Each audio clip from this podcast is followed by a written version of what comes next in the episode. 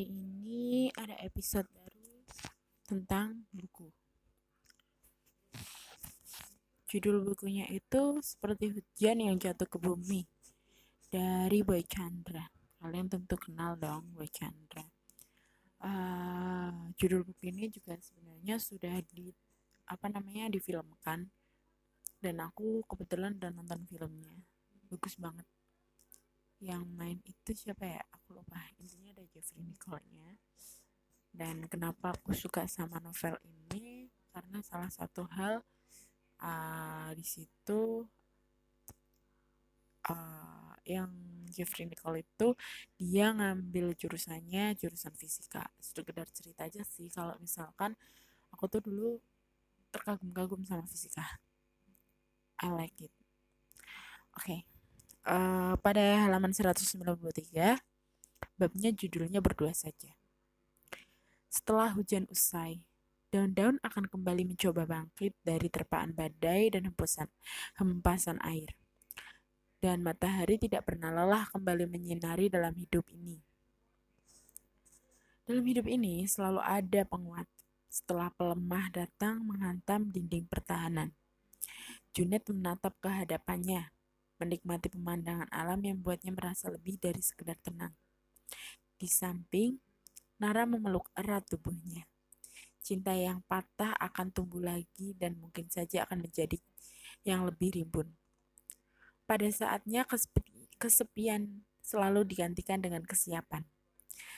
Tidak ada yang membuat Junet merasa hampa lagi. Nara menjadi madu yang mengaliri tenggorokannya saat pahit empedu sengaja ditelannya, ditelankan Elia kepadanya. Sakit itu kini telah menjadi sembuh. Lengan Junet memeluk erat tubuh Nara. Mereka menikmati sore di puncak Paku, Malak, Malalak Selatan. Tiga jam perjalanan di dari kota Padang. Tidak ada kata yang terucap dari bibir Nara. Ia merasapi setiap detik waktu bersama Junet. Suguhan pemandangan alam di hadapan mereka membuatnya lupa. Mereka pernah singgah di masa lalu yang sama-sama tidak menyenangkan, sama-sama dibuang, sama-sama ditinggal paksa. Kita akan selamanya seperti ini kan? Nara berbisik lembut tetapi ia tahu suaranya mampu didengar oleh Junet. Tentu, jawab Junet mengecap, mengecup lembut kepala Nara. Aku takut, suara lirih. Apa yang membuat kamu takut? ada sikapku yang menunjukkan hal yang membuatmu harus takut? Bukan begitu. Nara melepaskan pelan-pelan lengan Junet lalu berputar saling berhadapan dengan lelaki itu. Matanya menatap lembut lelaki yang rambutnya dikucir itu. Aku takut. Jikapun bukan kamu yang membuat kita berpisah, tapi waktu membuat kita kalah. Nara, aku paham bagaimana maksudmu. Tapi, bukankah cinta memang akan menemukan akhirnya? Dan aku merasakan cinta ini berhenti di kamu. Nara tersenyum. Ia tidak mau lagi menuntut apa pun dari laki itu. Mata Junet sudah cukup meyakinkan bahwa ia tidak main-main dengan Nara. Tidak seperti laki-laki terdahulu yang datang hanya sementara dengan Junet. Nara merasakan hal yang berbeda. Cinta yang begitu kuat dalam dekapan yang erat yang begitu hangat. Tubuh Nara seolah terbawa angin. Ia memeluk erat tubuh Junet. Lelaki itu mencium lembut keningnya, membisikkan semua yang semuanya akan baik-baik saja. Tidak ada satu hal pun yang perlu ditakutkan. Hatinya telah terikat oleh mata Nara sejak pertama kali ia melihat Nara malam itu. Bahkan Junet menghapus segala sedih yang dulunya yang yang dulunya. Bagi Nara tidak ada guna untuk mengungkit masa lalu.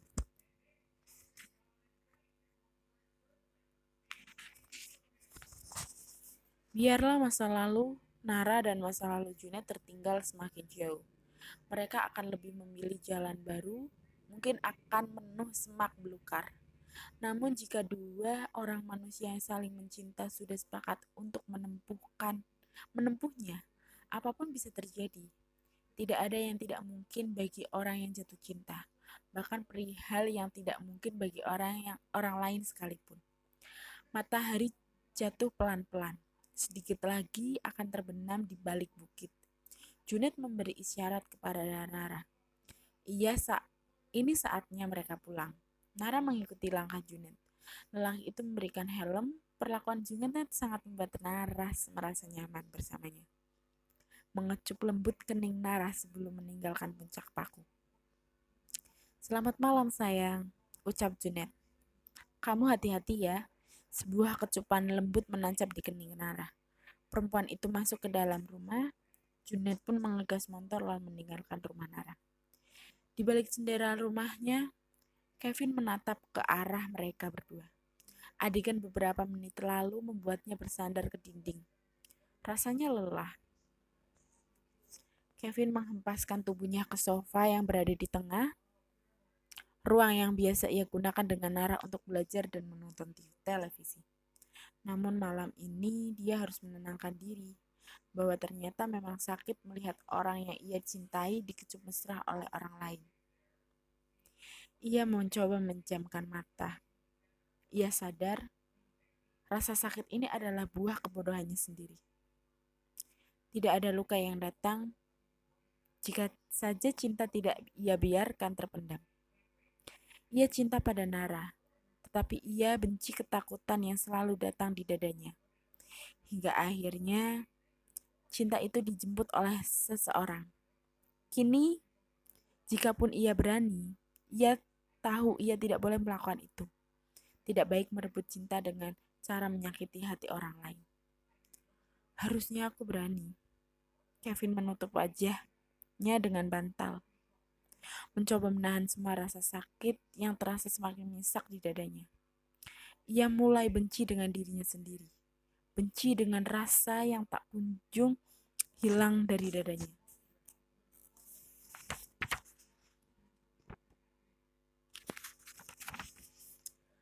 Aku akan pergi bila kau enggan memilih.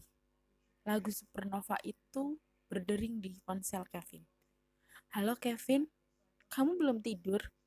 Terdengar suara Nara di seberang sana. Hah? Aku? Jawabnya gugup. Iya, itu lampu ruang tamu kamu masih nyala. Kamu masih belajar. Oh iya, aku lagi bikin tugas. Tugas. Vin, kamu sakit? Suara Nawara khawatir. Enggak. Aku baik-baik saja. Kevin berusaha membuat suaranya kembali setenang mungkin. Ya udah, Jangan dipaksain kalau sakit. Aku istirahat dulu ya. Abis jalan sama Junet, kamu istirahat, ingat kesehatan kamu. Nara menutup teleponnya setelah Kevin mengucapkan selamat malam. Kevin menghembuskan nafas lebih panjang. Menjadi pengecut ternyata sangat melelahkan. Bagaimana tidak? Pada saat hatinya rapuh, ia harus tetap terdengar kuat. Saat perasaannya, perasaannya tidak baik, ia harus tetap terlihat baik-baik saja. Sungguh, berpura-pura bahagia atas keadaan yang tidak lagi membahagiakan terasa semakin melelahkan, sangat melelahkan.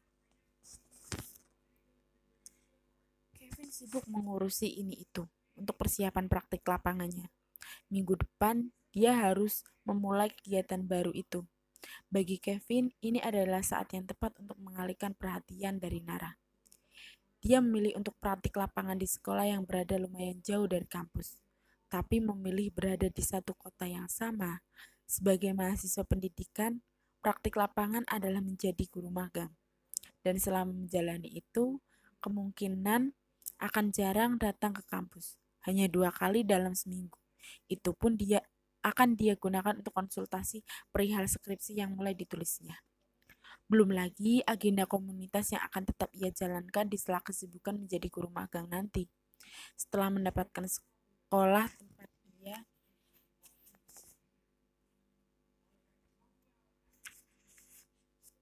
magang. Kevin harus melakukan survei ke sekolah tersebut, mencari tahu di mana lokasi dan apa saja yang mungkin ia butuhkan jika mengajar di sana. Ia sengaja memilih sekolah yang hanya berjarak beberapa kilo dari rumahnya, agar tetap bisa bersepeda ke sana saat mengajar nanti. Setidaknya ada misi lain yang ingin ia tularkan. Ia ingin menularkan kecintaannya terhadap lingkungan kepada siswa sekolah yang diajarkannya nanti. Kevin keluar dari fakultasnya mengayuh sepeda pelan. Udara terasa lumayan terik. Tiba-tiba seorang mengiringi di sampingnya dengan motor metik. Tiara, Kevin, ucap Kevin. Mau ke mana? Balas Tiara. Mau ke SMA 10? Sama, aku yuk. Aku pakai sepeda aja deh. Tapi ini panas banget loh. Lagian emang kamu tahu di mana SMA 10? Kevin berhenti mengayuh sepeda. Tiara ikut menghentikan laju motor dan menepi ke pinggir jalan. Tiara benar, selain udara yang begitu terik, Kevin belum tahu tempat pasti di mana sekolahnya yang ia tuju. Akhirnya ia menerima tawaran Tiara. Tapi aku nggak ngerepotin kan? Tanya Kevin segan. Tenang, aku juga ada jad aku nggak ada jadwal apa pun kok hari ini. Sekalian aku temenin kamu ya. Yaudah yuk.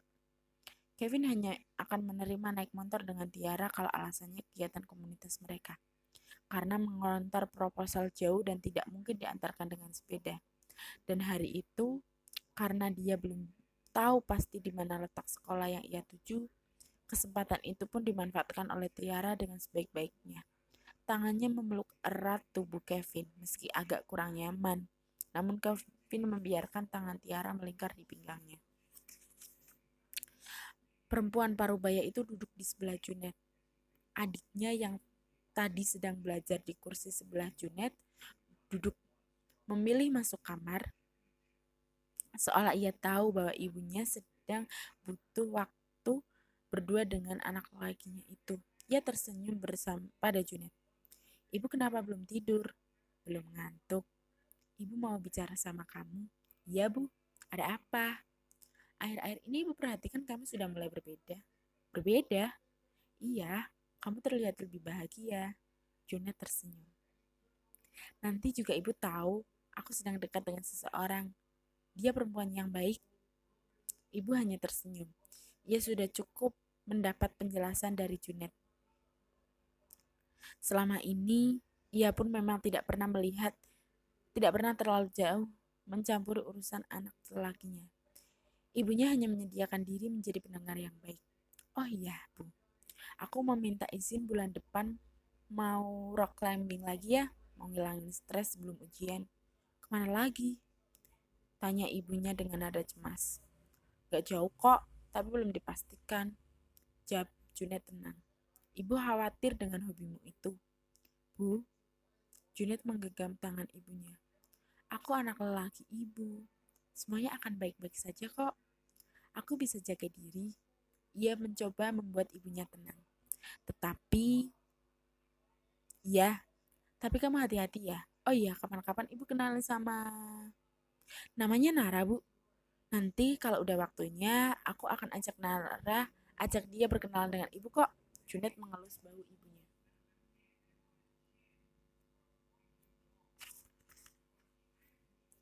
Ya udah, ibu tidur dulu ya. Jangan begadang terus. Ibunya meninggalkan Junet sendirian. Ya bu, selamat istirahat. Ucapnya menatap ibunya yang berjalan jauh menuju kamar. Jauh, Junet kembali membuka laptopnya, mencari daerah yang belum pernah ia kunjungi untuk rock climbing. Setelah beberapa menit, ia pun lelah. Entah kenapa, kali ini tidak ada yang begitu menarik baginya. Apakah hasrat untuk memanjat tebing sudah berkurang? Entahlah, ia pun menutup laptopnya. Ia menatap layar ponselnya lalu mencari Nara. Ia mengetik beberapa kalimat di layar ponselnya. Lalu menghapusnya lagi. Pasti Nara sudah tertidur pulas. Batinnya. Junet meletakkan ponsel di sebelah laptop, merebahkan tubuhnya di kursi. Malam ini sepertinya ia akan terlelap di kursi itu. Akhir dari bab ini ada satu kalimat. Pada saatnya kesepian selalu digantikan dengan kesiapan. Pertama kali membaca novel ini, hal yang selalu aku bayangkan adalah bukan membayangkan sih. Sesuatu yang berbeda. Hujan itu apa sih? Hujan itu anugerah. Filosofinya memang ketika hujan jatuh ke bumi, dia tidak pernah mengeluh. Dia selalu saja bangkit. Dia bahkan ditakuti oleh semua orang. Tapi ia selalu saja mau untuk kembali lagi. Itu sekian bab dari novel hari ini. Novelnya kalian bisa membeli di Shopee, Tokopedia, atau apa pun ini. Itu. Uh, dan segmen kali ini aku kasih judul buku bercerita. Karena setiap segmen ini aku akan membacakan banyak sekali buku yang sudah aku baca di partnya dan kalian harus baca juga. Aku kasih nilai buku ini sekitar 9 dari 10 Good lah. Terima kasih sudah mendengarkan. thank you